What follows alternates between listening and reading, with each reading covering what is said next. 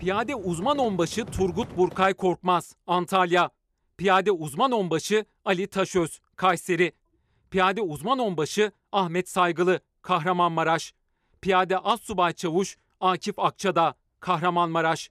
Yüzbaşı Süleyman Şahin, Afyonkarahisar. Uzman onbaşı Recep Bekir, Tekirdağ. Piyade uzman onbaşı Nihat Kara, Tekirdağ. Sözleşmeli er Birhan Er, Tekirdağ.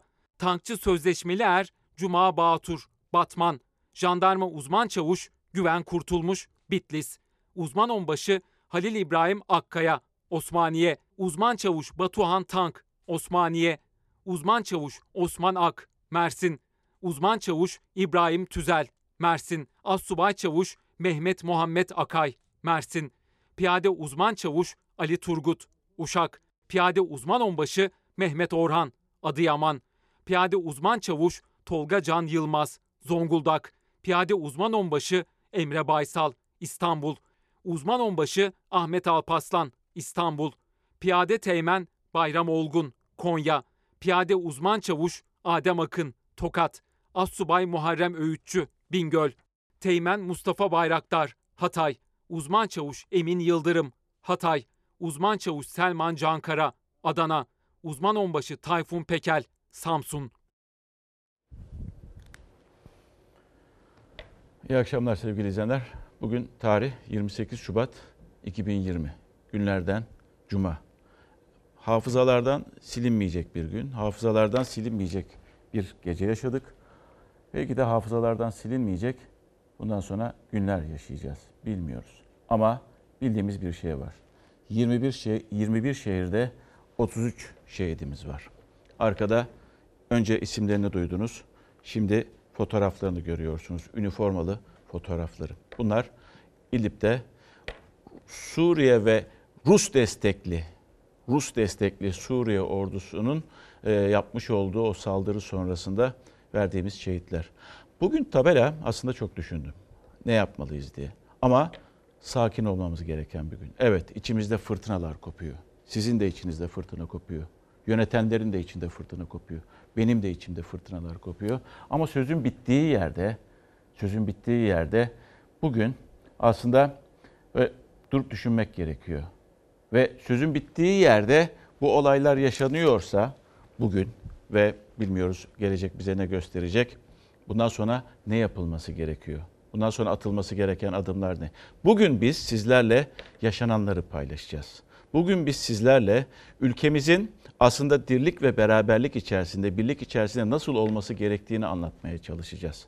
Bugün haberleri paylaştığımızda benden öyle çok sert eleştiriler duymayacaksınız. Çünkü bugün yapılması gereken başımız sağ olsun demek Türkiye'ye, herkese. Ama önümüzdeki günlerde tabii ki bunlar konuşulacak, tabii ki bunlar paylaşılacak, söylenecek, çok da söz olacak sevgili izleyenler. Söylenecek çok söz var derken bizim de bu akşam söyleyecek sözlerimiz var. Arkadaşlar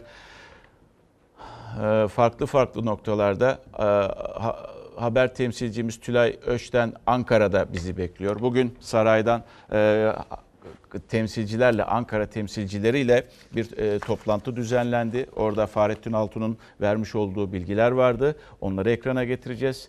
Engin Yılmaz dış işlerinde Rusya ve Türkiye arasındaki hala devam şu anda bitti ama devam eden görüşmelerle ilgili e, neler edinebildi o bilgileri vereceğiz hangi aşamadayız? Bir de Türkiye Büyük Millet Meclisi ne zaman açılacak? Bir an önce açılması gerekiyor. Bir an önce orada Gazi Meclis'te konuşulması gereken konular var. Onları anlatacak sizlere. Öznur'a gideceğiz. Cilve gözünde, Hatay Cilve gözünde. Biliyorsunuz sevkiyatların yapıldığı yerde oradaki anı anlatacak bize. Barış'a gideceğiz Barış Kaya. O da Hatay Kırıkan'da o obüslerin topların olduğu yerde Suriye'ye hava yapamadı hava saldırısı yapamadığımız için uçak uçuramadığımız için oradan toplarla vuruyoruz ve oradan bize şu anda yaşananları anlatacak ve Emre Üskübarlas ve Emre Üskübarlas dedim. Çünkü o Edirne'de bizi bekliyor. Edirne'de e, artık engeller kalktı. Yani Hükümet evet diyor ki bizim böyle bir politika değişikliğimiz yok göçmenlerle ilgili. Ne var ki mültecilerle ilgili ama engellerin kalktığını, karada ve denizde engellerin kalktığını ve e, şu anda Edirne'deki sınır kapısında Yunanistan'la olan sınır kapısında neler olduğunu bize anlatacak e, gördükleriyle birlikte sevgili izleyenler. Ve gelelim her birinin ismini gördünüz. Onlar birer kahraman. Onlar gönlümüzün efendisi ve isimli kahramanlar. Her birinin ismi vardı. Her birinin ailesi vardı. Her birinin her birinin e, bir yaşamı vardı. İşte o isimli kahramanların hikayelerini anlatırken sizlere veya olayın nasıl olduğunu anlatırken sizlere Hulusi Akar'dan bir açıklama geldi. Ve Hulusi Akar da çünkü sınıra gitti. E, Milli Savunma Bakanı bakınız savaş sırasında veya böyle çatışmalar sırasında vurulmayacak yerler vardır. Hastanelerdir, okullardır, sivillerin yaşadığı yerdir, ambulanslardır. Savunma Bakanı ambulansları bile vurdular diyor. Bu saldırılar sırasında birliklerimin etrafında hiçbir silahlı grubunda bulunmadığını burada belirtmek isterim. Bu hava saldırıları sırasında ambulanslar dahi vurulmuştur. Mehmetçik barışı sağlamak, güvenliği korumak için oradaydı. Etrafta terörist bir grup yoktu. Doğrudan Türk Silahlı Kuvvetleri hedef alındı. Suriye İdlib'de Rusya destekli rejim güçlerinin hava saldırısında 33 askerimiz şehit düştü, 32 askerimiz de yaralandı. Ateşkesi sağlamak, göçü önlemek ve bölgede yaşanan insanlık dramını sona erdirmek üzere İdlib'de bulunan birliklerimiz hepinizin bildiği gibi alçakça bir hava saldırısına maruz kalmış 33 kahraman silah arkadaşımız şehit olmuş, 32 kahraman silah arkadaşımız yaralanmıştır. İdlib çatışmasızlık bölgesiydi. Rusya o anlaşmayı bozdu. Rusya'nın desteklediği Esad güçleri akşam saatlerinde askerlerimize hedef aldı. Rusya yaptığı ilk açıklamada Türk askerlerinin bölgede olduğunu bilmiyorduk dedi ama o açıklamayı Milli Savunma Bakanı Hulusi Akar yalanladı. Birliklerimizin bulunduğu yerler önceden Rusya Federasyonu'nun sahadaki yetkilileriyle koordine edilmesine rağmen bu saldırı gerçekleştirilmiş. İlk atışı müteakip bir kez daha uyarı yapılmasına rağmen maalesef saldırı devam etmiştir. Alçak saldırı bu kadarla da sınırlı değildi. Yaralı askerleri kurtarmaya gidenleri bile hedef aldılar. Bu hava saldırıları sırasında ambulanslar dahi vurulmuştur. İlk acı haber akşam saatlerinde geldi. 9 askerimizin şehit olduğu açıklandı. Saatler ilerledikçe acı da katlandı. Her geçen saat bir ateş daha düştü yüreklere. Esed rejim güçlerinin yapmış olduğu hava saldırısı sonucu Türk Silahlı Kuvvetleri mensuplarımızdan 33 Mehmetçiğimiz şeh- şehit olmuştur. Sınır hattında Türkiye-Suriye sınırındaki tampon bölgede helikopter hareketliliği var. Zaman zaman ambulansların geldiği bölgeye bazen de helikopterler geliyor ve yaralılar naklediliyor. Saldırıda 32 askerimiz de yaralandı. Sağlık durumları iyi. Hastanemizde bulunan yaralı Mehmetçiklerimizden hiçbir tanesinin hayat tehlikesi bulunmamaktadır. Hain saldırı sonrası Cumhurbaşkanı Erdoğan başkanlığında güvenlik zirvesi toplandı. Suriye rejimine verilecek karşılık işte bu toplantıda belirlendi. ve cenazeler. Tabii e, hepsini bir anda kaldırmak mümkün değil. E, Ancak Hatay'da cenazeler vardı. E, Törenler düzenlendi.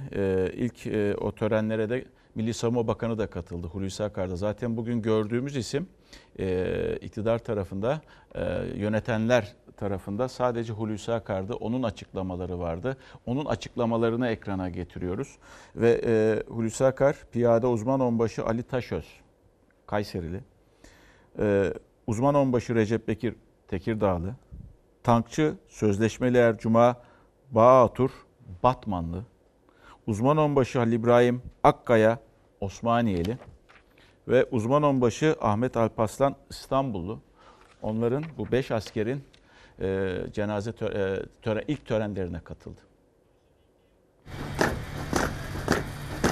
Silah arkadaşları ve kuvvet komutanları kahramanları memleketlerine asker selamıyla uğurladı. İdlib şehitleri için ilk veda töreni Hatay Devlet Hastanesi'ndeydi. İdlib şehitlerinden uzman onbaşı Ahmet Alpaslan, uzman onbaşı Recep Bekir, uzman onbaşı Ali Taşöz, sözleşmeli Ercuma Bağtur ve uzman çavuş Halil İbrahim Akkaya için Devlet Hastanesi'nde tören düzenlendi. Törene Milli Savunma Bakanı Hulusi Akar ve kuvvet komutanları da katıldı. şehitlerin naaşları daha sonra toprağa verilmek üzere memleketlerine gönderildi. 23 yaşında şehit düşen uzman onbaşı Halil İbrahim Akkaya Osmaniye'de son yolculuğuna uğurlandı. Anne döne Akkaya güçlükle ayakta durabildiği için törene sedye ile getirildi. Allahu Ekber. Milli Savunma Bakanı Hulusi Akar da şehidin babası Ali Akkaya'ya başsağlığı diledi.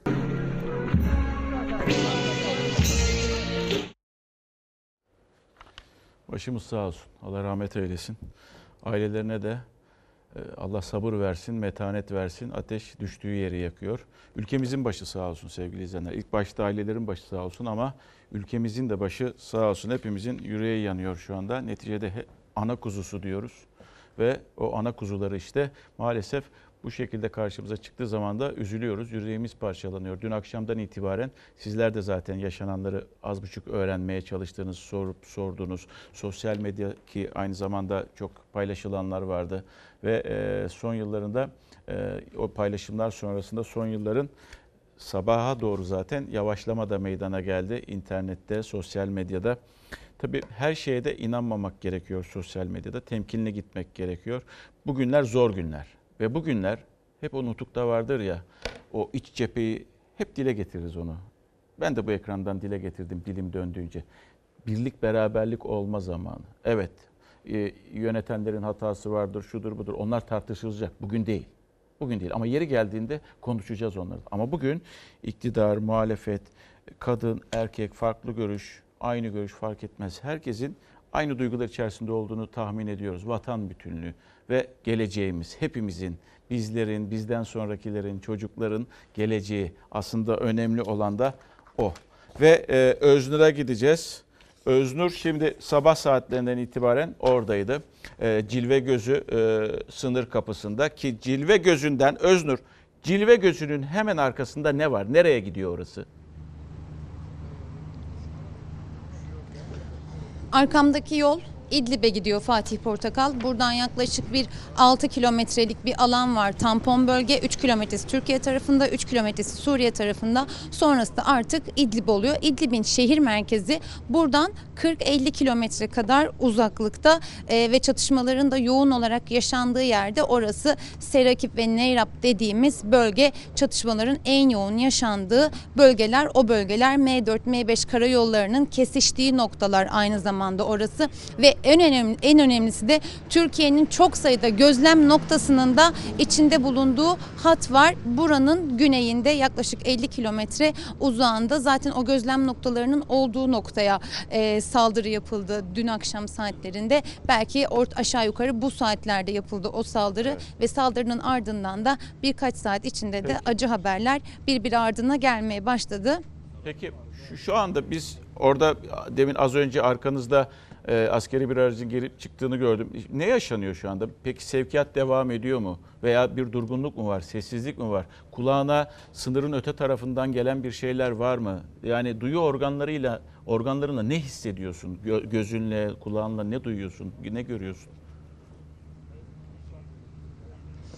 Aslında e, hissettiğimiz şey biraz e, tarif edilemeyecek bir duygu. Çünkü bu tarafta biz sakince bekliyoruz ama diğer tarafta çok şiddetli çatışmalar yaşanıyor. İşte dün akşamki gibi acı haberlerin gelebileceği derecede şiddetli çatışmalar yaşanıyor. Bugün burası hareketliydi. Çevre illerden sevkiyatlar yapıldı, takviyeler yapıldı yine bölgeye. Hem sınır hattına hem de İdlib'in içlerine doğru. Asker de gönderiyor Ayrıca muyuz bu arada? As- yasak bölge olmasına rağmen Evet, asker de gönderiyoruz. Ee, uçuşa yasak bölge olmasına rağmen İHA'lar ve SİHA'ların da havada olduğunu gördük. Zaman zaman e, koordinatlar aldıklarını biliyorduk. İHA ve SİHA'ları kendi gözümüzle de gördük sınırımızın üzerinde. Devamında da zaten İdlib'in üzerinde uçuş yaptıkları da radar sistemlerine de yansıdı Fatih Portakal. Anladığım kadarıyla Öznur, e, İHA ve SİHA'ları uçurabiliyoruz ama e, savaş uçakları uçuramıyoruz.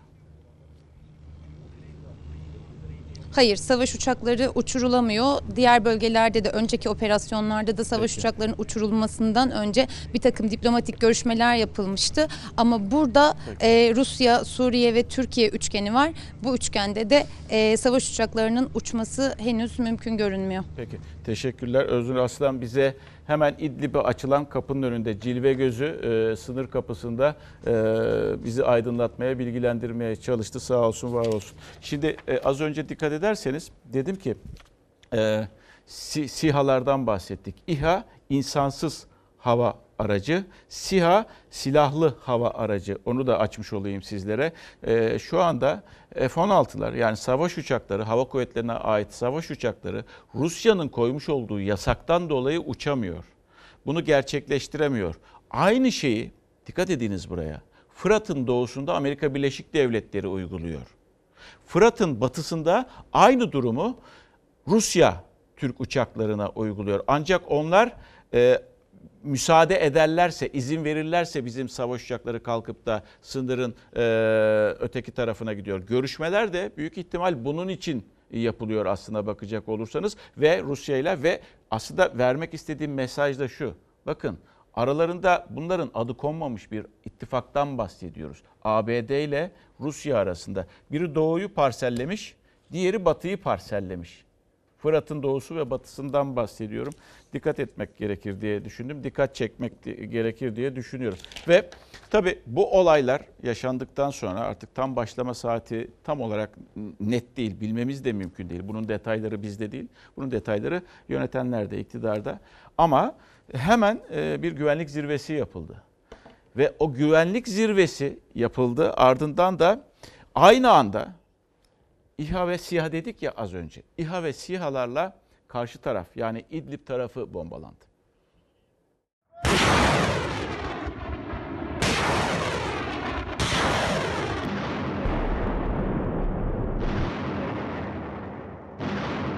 33 şehidin kanı yerde kalmadı. Rejime ait belirlenen hedefler böyle yerle bir edildi. Türk Silahlı Kuvvetleri bölgeyi havadan ve karadan ateş altına aldı. Esad rejiminin Türk askerine hedef aldığı kalleş saldırıya Türkiye meşru müdafaa hakkını kullanarak anında ve misliyle karşılık verdi.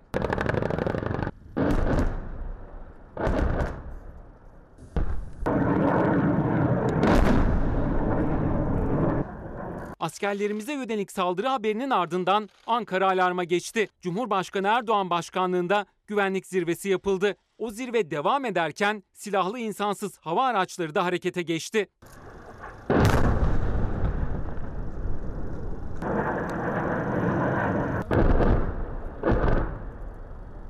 Yaklaşık 6 saat süren toplantının ardından ilk açıklamayı İletişim Başkanı Fahrettin Altun yaptı. Hava ve kara ateş destek unsurlarımızla rejimin bilinen tüm hedefleri ateş altına alınmıştır. Alınmaya devam etmektedir. Namlusunu askerlerimize doğrultan gayrimeşru rejime misliyle mukabele edilmesi kararlaştırılmıştır. Kahraman askerlerimizin kanı yerde bırakılmayacak. Suriye sahasında devam eden faaliyetlerimiz bayrağımıza uzatılan eller kırılana dek sürecek. İşte bu açıklamayla birlikte tüm dünyaya da kararlılık vurgulandı. Belirlenen hedefler SİHA'larla havadan, topçularla karadan ateş altına alındı.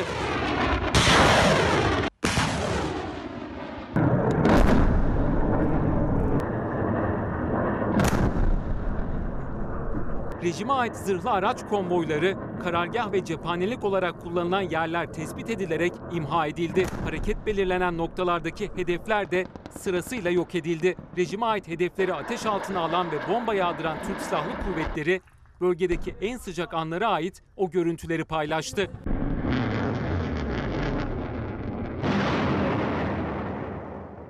Milli Savunma Bakanı Hulusi Akar da operasyonu sınırın sıfır noktasından bizzat yönetti. Beraberinde kara ve hava kuvvetleri komutanlarıyla taktik komuta merkezindeydi.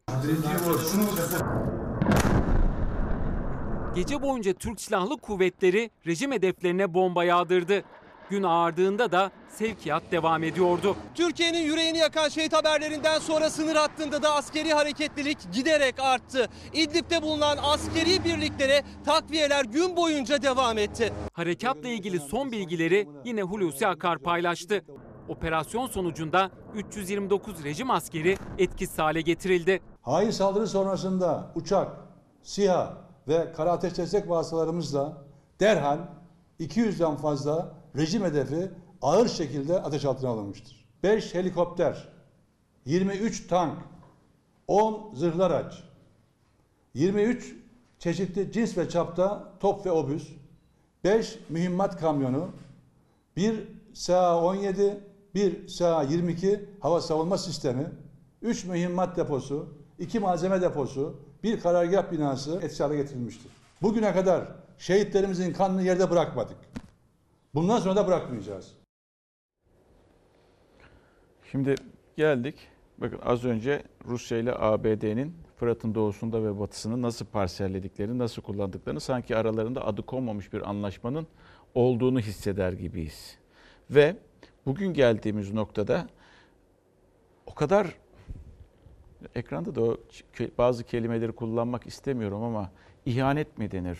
Yoksa diplomasi dışında yapılmış bir hareket mi denir? Siz Ankara'da toplantı halindesiniz. Türkiye ve Türk ve Rus yetkililer toplantı halindeler. Yani o görüşmeleri yapıyorlar. Ve o sırada bu hadiseler başlıyor. Yani Ankara'da diplomasiyi kullanalım, diplomatik yolla veya dip- diplomasi yoluyla bu sorunları aşılması tartışılırken Rusya öyle bir ikiyüzlülük yapıyor ki Rus yetkililer o toplantı devam ederken bu operasyonla Suriye rejim güçler- güçlerine destek veriyorlar. Kimse kimseyi aldatmasın. O Suriye ordusunun arkasında Rusya'nın olduğunu, aslında bu işin arkasında Rusya'nın olduğunu, en önemli sorumluluğun da Rusya'nın olduğunu herkes de biliyor. Ha, şu soruyu ileride soracağız. Daha da açarak soracağız. Neden bu duruma gelindi diye. Ama şu anda biz sizlerle haberleri paylaşıyoruz. Ve o konuşacağımız zamanlar da geldiğinde bunları da dile getireceğiz. Ve gidelim. Ee, Barış'a gideceğiz. Barış Kaya da e, Kırıkan'da bizi bekliyor. Şimdi Barış o soruyu sana da sorayım. Aslında yakın yerlerdesiniz Öznur'la. Ee, biriniz sınır, kapısında, diğeriniz Kırıkan'da. Kırıkan'ın ne özelliği var? Kırıkan obüslerin konuşlu olduğu e, özel e, hassas noktalardan birisi. E, diğer yandan da e, Stinger füzelerinin yerleştirildiği, konuşlandığı noktalardan birisi.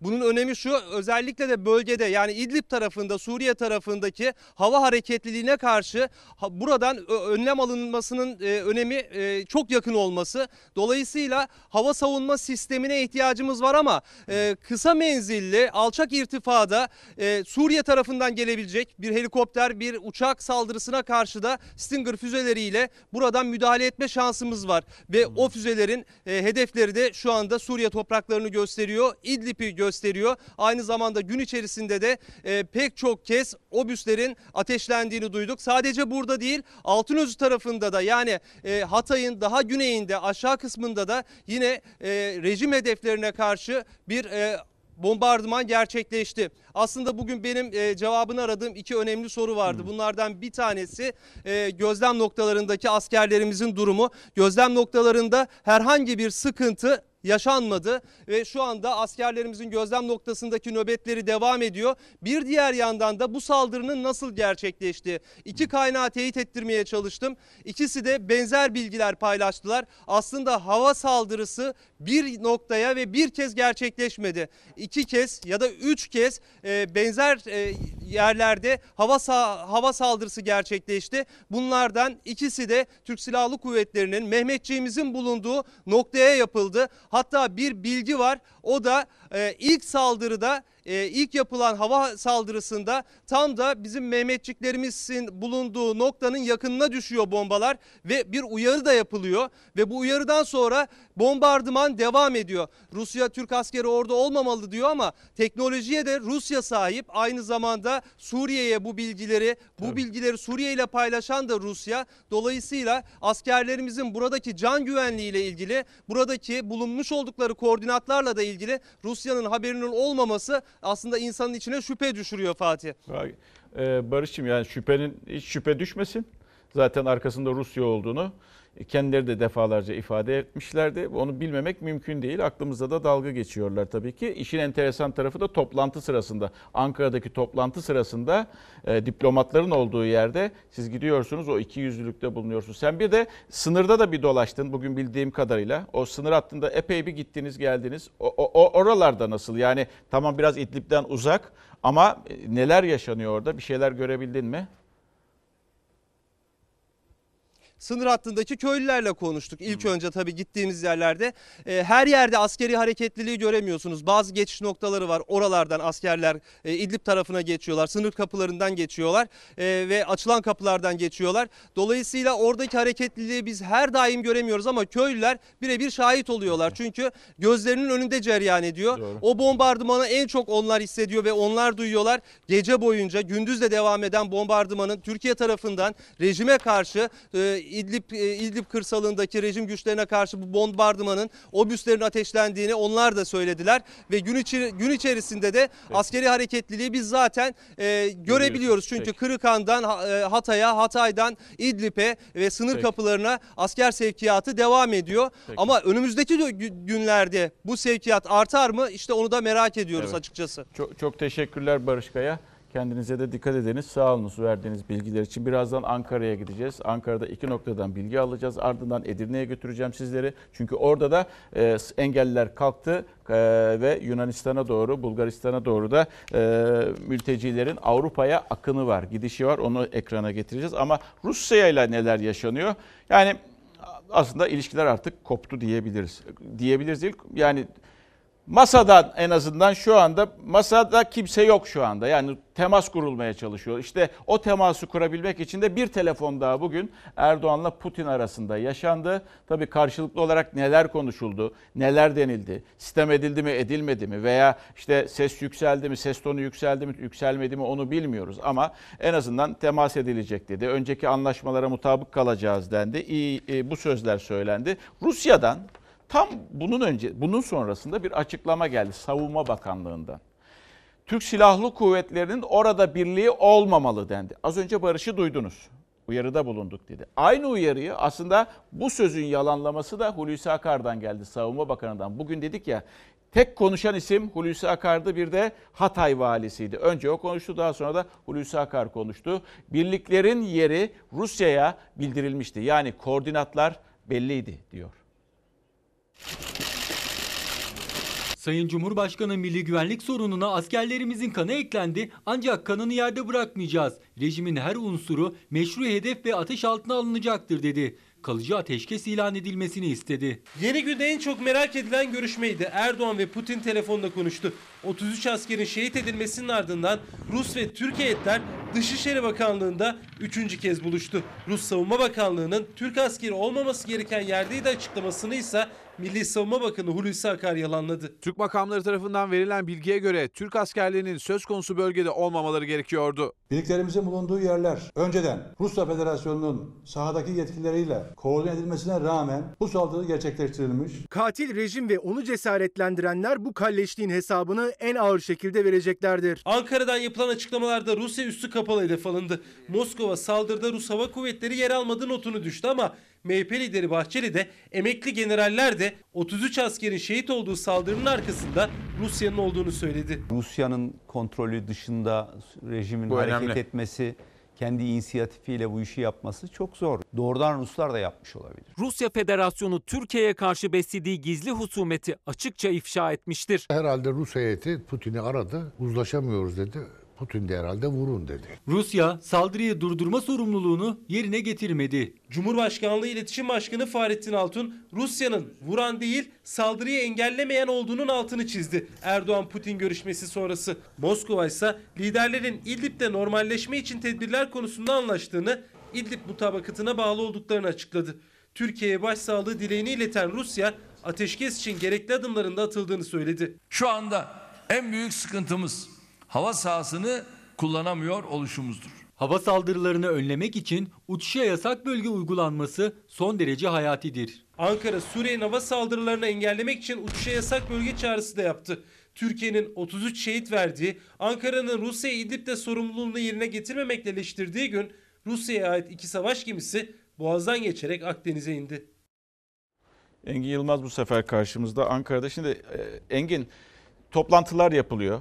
Rusya'da toplantılar yapıldı. Ankara'da diplomatlar geliyorlar. Rus ve Türk diplomatlar bir araya soruna çözüm bulalım diye. Bugünkü toplantıdan çıkan bir şey var mı her şeyden önce? Ya olumlu bir şey Bir açıklama var Fatih bize?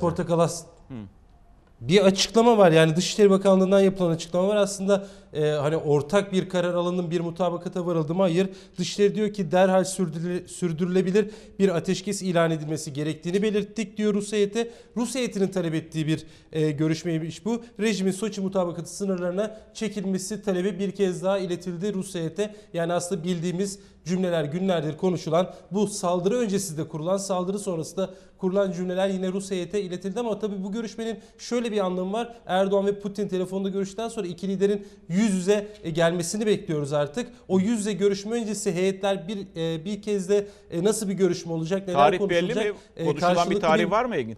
e, 5 Mart'ın altını Cumhurbaşkanı çizmişti. Zaten 5 Mart dillendiriliyordu. E, az önce bir haber geçti. Reuters haber ajansı Rus bir ajansa dayandırarak Ha. geçti bu haberi. 5 ya da 6 Mart tarihinde İstanbul'da iki liderin yüz yüze görüşmesi e, yer belirtilmiyor şu an e, Fatih Portakal ama daha önce Cumhurbaşkanı Ankara olur İstanbul olur, olur demişti. E, herhalde önümüzdeki günlerde e, bir yer belirtilecektir. Tabi Rusya ile lütfen devam soru edin. varsa İşte tabii Rusya ile temas önemli ama Cumhurbaşkanı sadece Rusya ile temas halinde değil. Ankara Cumhurbaşkanı'nın bugün çok önemli görüşmeleri olacak. Onun da altını çizeyim. Amerika Başkanı Hmm. Trump, Almanya Şansölyesi Merkel, Fransız Cumhurbaşkanı Macron, Bulgaristan Cumhurbaşkanı Borisov'la da bir görüşme yapması bekleniyor. Yani diplomasi, e, diplomatik ataklarını Ankara sürdürüyor. E, ama Cumhurbaşkanı'nın görüşmediği bir isim var. O önemli.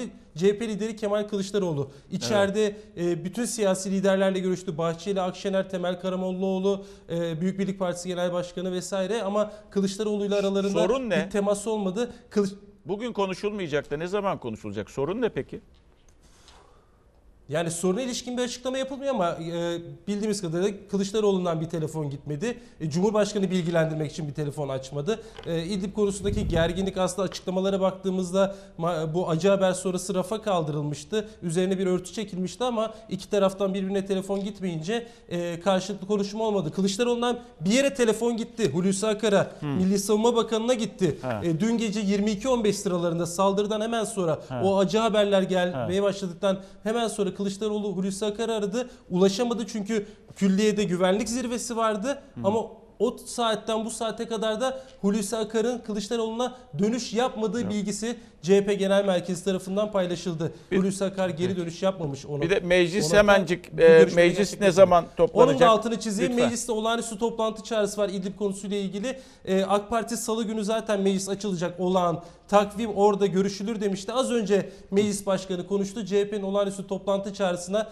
o da kapıyı kapattı. Çünkü meclis başkanında yetki olağanüstü toplantıya Evet. çağırma yetkisi. O da salı gününü işaret etti. Salıya kadar bekleyeceğiz. Olağan toplantıyı. Evet, salıya kadar Evet. bekleyeceğiz anladığım kadar. Peki Engin Yılmaz Ankara Ha- Haber Müdürü e, Rusya ile yapılan o diyalogları anlattı ve 5 veya 6 Mart'ta ikilinin yüz yüze görüşebileceği e, kaydedilmiş. Rus haber ajansına dayandırarak bu bilgiyi paylaştık sizlerle. Teşekkür ediyorum Engin Yılmaz. Ve geldik. Şimdi tabii e, bugünlerde meclis toplanmayacaksa ne zaman toplanacak diye sormalıyız. Çünkü önemli bir sorunla karşı karşıyayız. Bir an önce meclisin toplanması gerekiyor. Konu savaş olduğunda yetki Türkiye Büyük Millet Meclisi'ndedir. Bir an önce Türkiye Büyük Millet Meclisi'nin talep ettiğimiz olağanüstü toplantısını gerçekleştirmesini bekliyoruz. Olmasında fayda var. Türkiye Büyük Millet Meclisi acilen İdlib'deki gelişmeleri görüşmek üzere toplanmalıdır. Muhalefetten ortak çağrı geldi meclisin toplanmasına yönelik ancak iktidar cephesi salı gününü işaret etti. Olağan takvimi MHP lideri Bahçeli ise hem kara hem hava harekatı istedi. Suriye hava sahasının Rusya tarafından açılıp açılmaması hükmünü tümden kaybetmiş, artık güç ve zor kullanmak kaçınılmaz hale gelmiştir. İdlib'e kara ve hava operasyonu süratle icra edilmelidir. Devletin zirvesi Beştepe'de muhalefet partileri kendi karargahlarında tuttu İdlib'deki gelişmelerin nabzını. CHP lideri Kemal Kılıçdaroğlu kurmaylarıyla 5 saat süren bir zirve gerçekleştirdi. MHP lideri Bahçeli de genel merkezdeydi divan kurulu üyeleriyle. Mehmetçiğimizin ayağına taş değmesin. Saldırı haberini Balıkesir'de aldı İyi Parti Genel Başkanı. Milli Savunma Bakanı Hulusi Akar'ı aradı. Akar o dakikada Cumhurbaşkanlığındaki güvenlik zirvesindeydi. 10 dakika sonra Akar değil Cumhurbaşkanı Erdoğan dönüş yaptı Akşener'e. İdlib'deki saldırı hakkında bilgi verdi. Sadece bilgi aldım. Dolayısıyla paylaşmam doğru olmaz. İdlib'de Mehmetçiğe saldırıdan saatler önce Beştepe'ye çıkan MHP lideri gibi Saadet Partisi lideri Karamollaoğlu da Erdoğan'la telefonda görüştü. Yeni günde CHP MYK olağanüstü toplantısı sonrası sözcü Faik Öztrak yeniden kamera karşısındaydı. Onlarca şehidimiz varken Türkiye Büyük Millet Meclisi'nin buna sessiz kalarak hızla olağanüstü toplanmaması düşünülemez. CHP meclisin 29 Şubat günü olağanüstü toplanması için meclis başkanlığına başvuru da yaptı ama iktidar cephesinden olumlu yanıt gelmedi. Salı günü olağan takvim içinde genel kurulun açılacağını hatırlattı AK Parti. Aynı gün Milli Savunma Bakanı Hulusi Akar'ın meclise bilgi vermesini gündeme getirdi. Olağanüstü toplantı çağrısının zaten salı günü toplanacak meclisin salı günkü toplantı günü olarak belirlenmesi aslında bu yetkiyi kullananların yetkisini suistimali anlamına gelir. Sayın Cumhurbaşkanı bütün siyasi partilerin liderlerinin katılımıyla bir değerlendirme toplantısı yapılmalıdır. İktidarı muhalefeti bir araya getirecek zirve olur mu sorusu gün boyunca Ankara kulislerinde soruldu ama o zirvede gerçekleşmedi. Cumhurbaşkanı Erdoğan'ın 33 askerin şehit edildiği saldırı sonrası açıklama yapmamasını da muhalefet üstü kapalı eleştirdi. Sorulara cevap vermesi gereken makam hala sustuğundan bugün de soru almayacağım. Cumhurbaşkanı bugün hiç konuşmadı. Belki yarın konuşur bilemiyoruz. Ee, ama e, meclisle de ilgili daha 4 gün var salıya ve 4 uzun günden bahsediyoruz artık. Neler orada neler yaşanabileceğini, neler olacağını da tahmin edemiyoruz. O noktayı da geçtik. Resul Bey demiş ki sözün bittiği yerde meclis Türkiye Büyük Millet Meclisi acil toplantı Türkiye Büyük Millet Meclisi acil toplantı gerek duymuyor. Gerek duymuyor. Sormak istediğim meclis nedir? Meclis niçin vardır sorusunu soruyor. Keşke hemencik toplanabilse meclis. Bunu kapalı ortamda e, konuşabilse. Ankara'ya gidiyoruz. E, Ankara'da haber temsilcimiz e, Ünal e, Tülay Ünal Ölçten var. Tülay sen bugün e, saraya gittin. Orada da e, Fahrettin Altun'un bilgilendirmesi vardı. Konuşan isimlerden biri de oydu. Yani hükümet adına. Ne dedi Altun? Mesajları ne? Fatih öncelikle e, başımız sağ olsun. Hepimizin kalbi İdlib'deki kahramanlarımızla atıyor ama gözümüz kulağımız da Ankara'da. Ankara ne yapıyor? E, nasıl bir politika izliyor? E, bu çerçevede işte bugün Fahrettin Altun Cumhurbaşkanlığı İletişim Daire Başkanı Fahrettin Altun'un verdiği mesajlar çok önemliydi. E, nasıl bir politika izleyecek?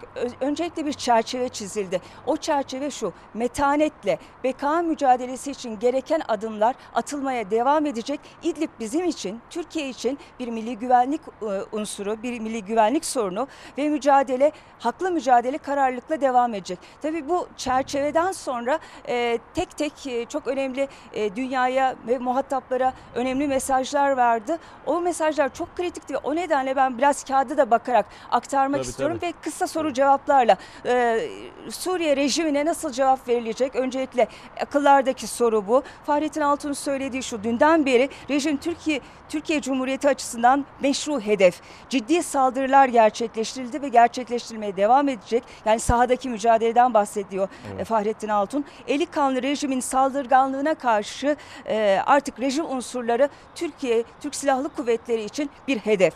İdlib peki neden bu kadar önemli? E, onu aslında ben biraz özetledim. Çizilen çerçeve şu. Mutabakatlarla Rusya'yla İran'la biz bir masa etrafında toplandık. Astana'yı imzaladık, Soçi'yi imzaladık. Bizim imzalarımız olduğu kadar karşıdakilerin de imzaları var ve garantörler bu ülkeler. E, İdlib'in çerçevesi de bu şekilde çizildi ve İdlib Türkiye'nin e, bir e, e, mimarı olduğu bir barış projesi. Orada 4 milyon insan yaşıyor. Eli kanlı Suriye rejimi ise burada demografik bir mühendislik yapıyor.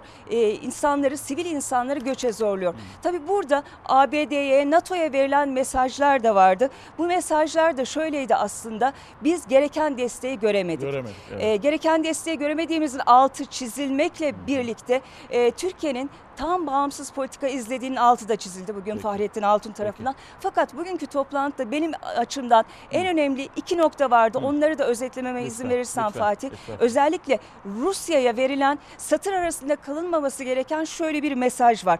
Yaptığımız mutabakatlar var ve bunlara geçici mutabakat muamelesi yapılamaz. Biz mutabakatlara bağlıyız. Terörizmle mücadele adı altında bölgenin insanlaştırılmasına karşı çıkıyoruz dedi. Rusya'ya imzana sahip çık. İki yüzlü davranma e, demeye Evet. getirildi. Bir de rejimin bu saldırılara gerekçe yaptığı terörist unsurlar vardı.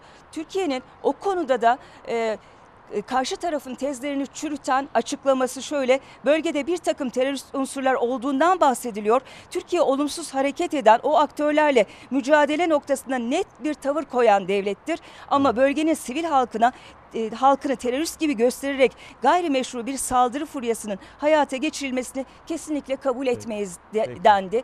Bu mesajlar çok önemliydi. Özellikle bunların altını çizmek istedim Fatih. Çok çok teşekkür ediyorum Tünay. Aslında yani e, bir bakıma Sayın Erdoğan'ın söylemek istediklerini önceden Fahrettin Altun e, e, bu şekilde duyurmuş oldu. Benim anladığım kadarıyla İdlib'deki e, bu mücadele veya İdlib'deki bu durum korunacak diye anlıyorum ben. Yani oradaki gözlem noktalarından çıkılmayacak ve orada kalınacak. Yani önümüzdeki günler ne getirecek ne götürecek hep birlikte göreceğiz. Çok teşekkür ediyorum bir kez daha Tülay Ünal Özten Ankara Haber Temsilcisi ve geldik ABD ne diyor, NATO ne diyor onlara bakacağız. Az önce sevgili Tülay söyledi. Evet bol söz var, bol söz var ama eylem olarak bir şey ortaya koyacaklar mı? Zannetmiyorum.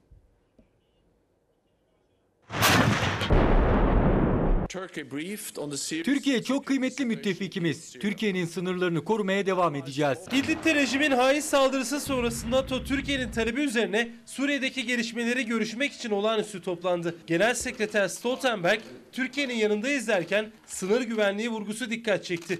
Amerika'nın NATO Büyükelçisinden de dikkat çekici açıklama geldi. Türklerin kimin güvenilir ortak olduğunu, kimin güvenilir olmadığını görmesi gerekir. Amerika bizim Rusya ile yaşadığımız sorundan dolayı bu yaklaşımı gösteriyorsa o zaman samimiyet sorgulanır. Rusya destekli Esad rejiminin İdlib'de Türk askerlerini hedef alması sonrası Amerika hem Jeffrey'nin ziyareti hem de sonrasında yaptığı açıklamalarla Türkiye'nin yanında olduğu mesajını verdi. 33 askerin şehit düştüğü son saldırı sonrası da ilk açıklama Amerika Dışişleri Bakanlığı'ndan geldi. NATO üyesi olan Türkiye'nin yanındayız. Bu krizde Türkiye'ye en iyi nasıl destek verebileceğimize dair seçenekler arıyoruz. Her an her türlü dayanışmamız olabilir. Ankara'nın beklenti listesinin başında uzun menzilli hava savunma sistemi Patriot'lar geliyor. Ancak henüz somut bir adım yok.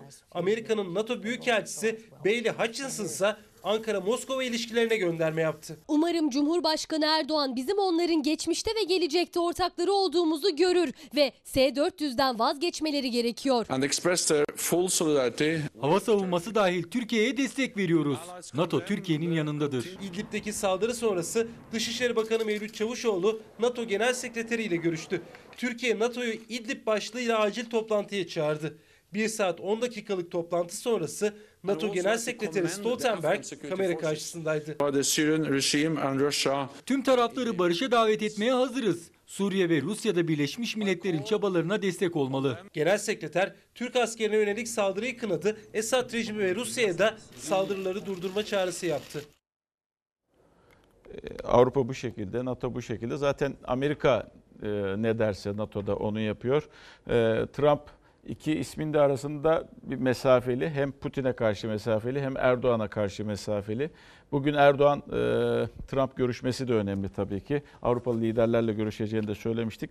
Olay e, İdlib'de ama bir de göçmen sorunu var, mülteci sorunu var ve Türkiye biliyorsunuz o e, Rusya Suriye'den gelenleri kendi sınırların içerisinde tutuyordu ve e, zaman zaman da Cumhurbaşkanı'nın sözü vardı, kapıları açarız sözü vardı ve bugün gelinen noktada göçmenlerle ilgili politika değişti mi diye merak ediyorsunuz. Dışişlerine baktığınızda hayır değişmedik diye bir açıklama var. Ama Avrupa'dan bu açıklama geldi. Neden dediğini yani sığınmacı anlaşmasına sadık kalınmasını bekliyoruz cümlesi neden geldi diyecek olursanız Türkiye hem deniz yoluyla hem karayoluyla tüm engelleri kaldırdı. Yani engel kalkınca Suriye, Türkiye'de yaşayan Suriyeliler karadan da denizden de Yunanistan'a gitmeye çalışıyorlar. Bebeği ağlayan bir anne olmalı bebeğim diye çünkü sesleniyor. Yunanistan'la Türkiye arasındaki tampon bölgeden dumanlar yükseliyor. Mültecilerin üzerine bir gazlı müdahalede bulundular.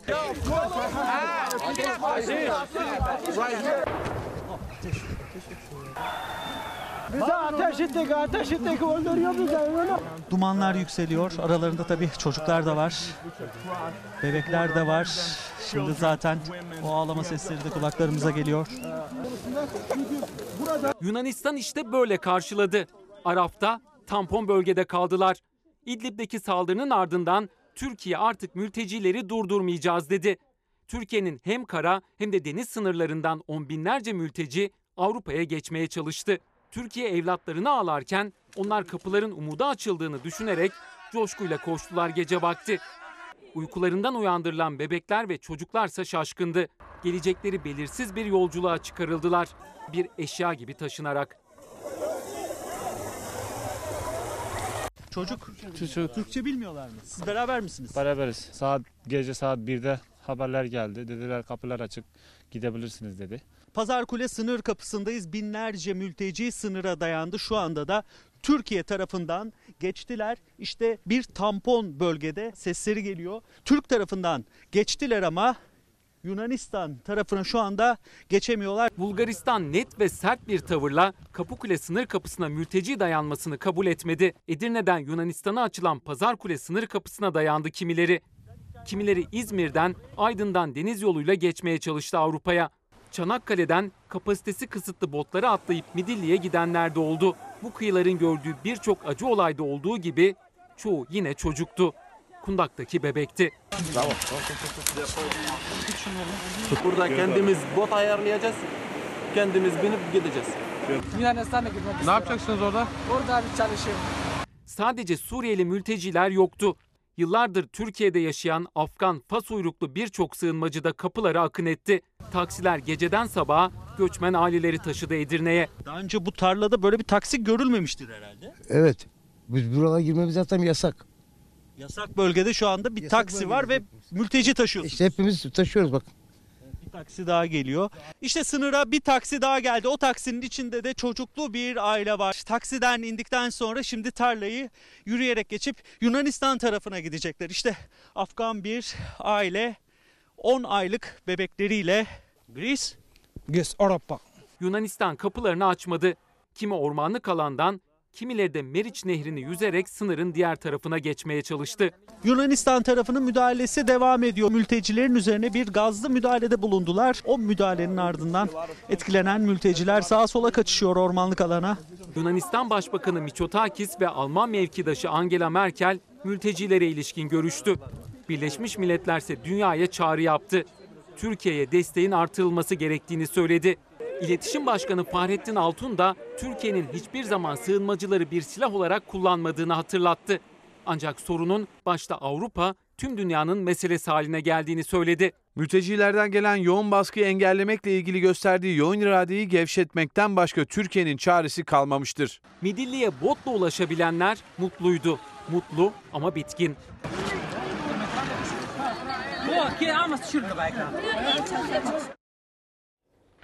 Emre Üskübarlas'ta e, Edirne'de güneyde ne yaşandığını anlattık. Askeri hareketlilik. Ankara'da neler yaşanıyor onu anlattık. Emre ileride belki de şu anda da yaşanmaya başladığını görüyorsunuz. Bu hani insanlık dramının yaşanabileceği, ağır olarak yaşanabileceği yerde hala geliyorlar mı Emre? Fatih Portakal haberimizde de söyledik aslında coşkuyla yola çıktılar. Özellikle İstanbul'dan buraya bir akın olduğunu söyleyebiliriz gün boyunca. Ancak Yunanistan tarafından çok dostane bir tavırla karşılaşmadılar. Karşılanmadılar daha doğrusu. Arkamızdaki o tampon bölgede beklemeye devam ediyorlar. Bu soğuk havada ateş yaktılar. Evet gelmeye devam ediyorlar ama baktığınız zaman karşı taraftan buraya gelmemeleri için yoğun bir çaba var. Aslında sözlü bir iknanın olduğunu duyduk. Bu yetmediğinde de aslında zorlu bir şekilde Türk tarafına gitmeleri sağlanıyor. Yani nasıl? Ses bombaları atıldı, biber gazları atıldı. Az önce çok hareketliydi burası. Belki de bulunduğumuz pazar kapı e, sınır pazar kule sınır kapısı düne kadar e, çok sakin, Sakin. sessiz bir sınır kapısıydı ama bugün çok yoğun bir şekilde burada hareketlilik vardı. Şunu da söyleyelim. Yunanistan'ın bu katı tavrı sürüyor. Yani onlar kesinlikle ülkelerine o mültecileri sokmuyor ve şunu söyleyelim az önce biz gözlemledik tarladan geldikleri gibi bazı mülteci gruplarının tekrar Edirne'ye doğru döndüğünü gö- gördük Fatih Portakal. Tabii başka bir yol deneyecekler mi? Yani nehirden karşı tarafa geçmeye çalışacaklar mı ya da tarladan o tel örgüleri aşmaya çalışacaklar mı? Tabii bunu da zaman gösterecek ama burada o zor gece mülteciler açısından devam ettiğini söyleyebiliriz. Sizin için de uzun bir gezi olacak. Teşekkür ederim Emre. Ee, Edirne'de çok önemli çünkü Yunanistan'a ve Bulgaristan'a gidiş yerleri. Emre söylemişti biliyorsunuz İstanbul'dan geliyorlar diye. İşte sınıra bugün otobüs kaldırıldı İstanbul'dan.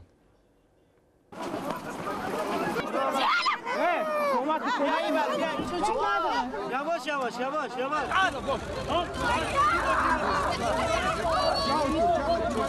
Yer kalmayan otobüse böyle binmeye çalıştılar. Birbirlerinin üstüne basarak ya da kapı yerine başka yolları kullanarak. İstanbul'dan Avrupa'ya mülteci akınının en çarpıcı görüntüleriydi bunlar.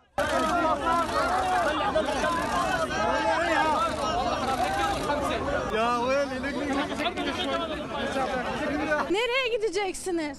Ama bilmiyorum şu an nereye gideceğimi. Kaç çocuğunuz var? İki çocuğum var. Afganistan'da savaş var. Gurbetteyim. Son durağımız şeyde gideceğiz. Avrupa'da gideceğiz. Almanya, Fransa. Otobüs sizi nereye götürecek? Nereden geliyor otobüs? Ee, o, o, o konuda bilgimiz yok. Burada bekleyin dediler. Otobüs buraya gelecekmiş. Bindikleri otobüs onları nereye götürecek bilmeseler de rotaları belli. Avrupa, Türkiye'nin karadan ve denizden Avrupa'ya gitmek isteyen mültecileri engellemeyeceğini duyunca çocuklarıyla yola koyuldular. Mülteciler umut yolculuğuna çıktı. Biz duyduk ki sınırlar açılmış. Ee, bu yüzden Avrupa'ya gitmek istiyoruz. Büyük bir izdam var burada. İstanbul Zeytinburnu burası. Afganlar aileleriyle birlikte eşyalarını topladı. Otobüslerle buradan gidecekler. Türkiye'de şöyle bir durum vardı. Çalıştığımız parayı sadece yeme içmemize yeterdi. Yani ailemize gönderemiyorduk. Ee, ekstradan bir şeyler kazanamıyorduk. Sabahın erken saatlerinde Afgan mülteciler Kazı Çeşme'de buluştu. Yolculukta en önde çocuklar vardı. Sabah saatlerinde ücretsizdi ama öğleden sonra kişi başı 100 liraya çıktı umut yolculuğu. Zeytinburnu'ndan yola koyuldular. İstikamet Edirne İpsala sınır kapısıydı. Yunanistan'a gidecekler herhalde. Şimdi nereye gidecekler? İpsala'ya. Kalabalığın içinde bebekler ve çocuklar da var. Telaşla otobüse binmeye çalışıyor Afganlar. Buradan nereye gideceklerini sorduğumuzda ise Yunanistan sınırına gidecekleri söyleniyor. Yunanistan'a bizi gönderecek. Türkiye Birleşik Ülkeleri. Ee, öyle diye duydum yani. Net bilgimiz yok. Biz Yunanistan. Yunanistan. Ben Afgan. Mülteci akını başladı. Gidiş noktalarından biri de otogar. İlk hedefleri Edirne'ye ulaşmak. Oradan da Yunanistan'a ve devamında Avrupa. Ancak Avrupa'nın onları kabul edeceği konusunda elbette ki şüpheleri var. Yunanistan sizi almazsa ne yapacaksınız? Gidiyorum memlekete gidiyorum. Memleket nere? Afganistan. Afganistan'a geri mi döneceksin? Ha, ki- kimilerini memnun edememişiz. Biz diyor burada para kazanıyoruz sadece yemeğe içmeye e, yetiyordu diye. Bu ülke sizin hayatınızı kurtardı. Türkiye sizin, eşinizin, çocuklarınızın hayatını kurtardı. Ve e, yarın tabii gözler e, Cumhurbaşkanı'nda olacak. Acaba e, konuşacak mı, konuşmayacak mı onu göreceğiz. E, İlker Karagöz yarın sabah e, Çalar Saat'te e, geceden sabaha neler yaşandı hem onu anlatacak hem de e, konuklarıyla birlikte e, yine kafalardaki sorulara yanıt bulmaya e, çalışacak sevgili izleyenler. Reklam. Bir kez daha başımız sağ olsun sevgili izleyenler. Ailelerine sabırlar diliyorum, metanet diliyorum ve ülke olarak umarım en kısa zamanda sakin günlere ve güvenli günlere hep birlikte ulaşalım. Ulaşalım. Kapatıyoruz. Bizden sonra e, Mucize Doktor gelecek, izleyebilirsiniz. Yarın daha mutlu, daha huzurlu, daha güvenli bir dünya ve tabii ki Türkiye'de buluşmak umuduyla. Hoşçakalın.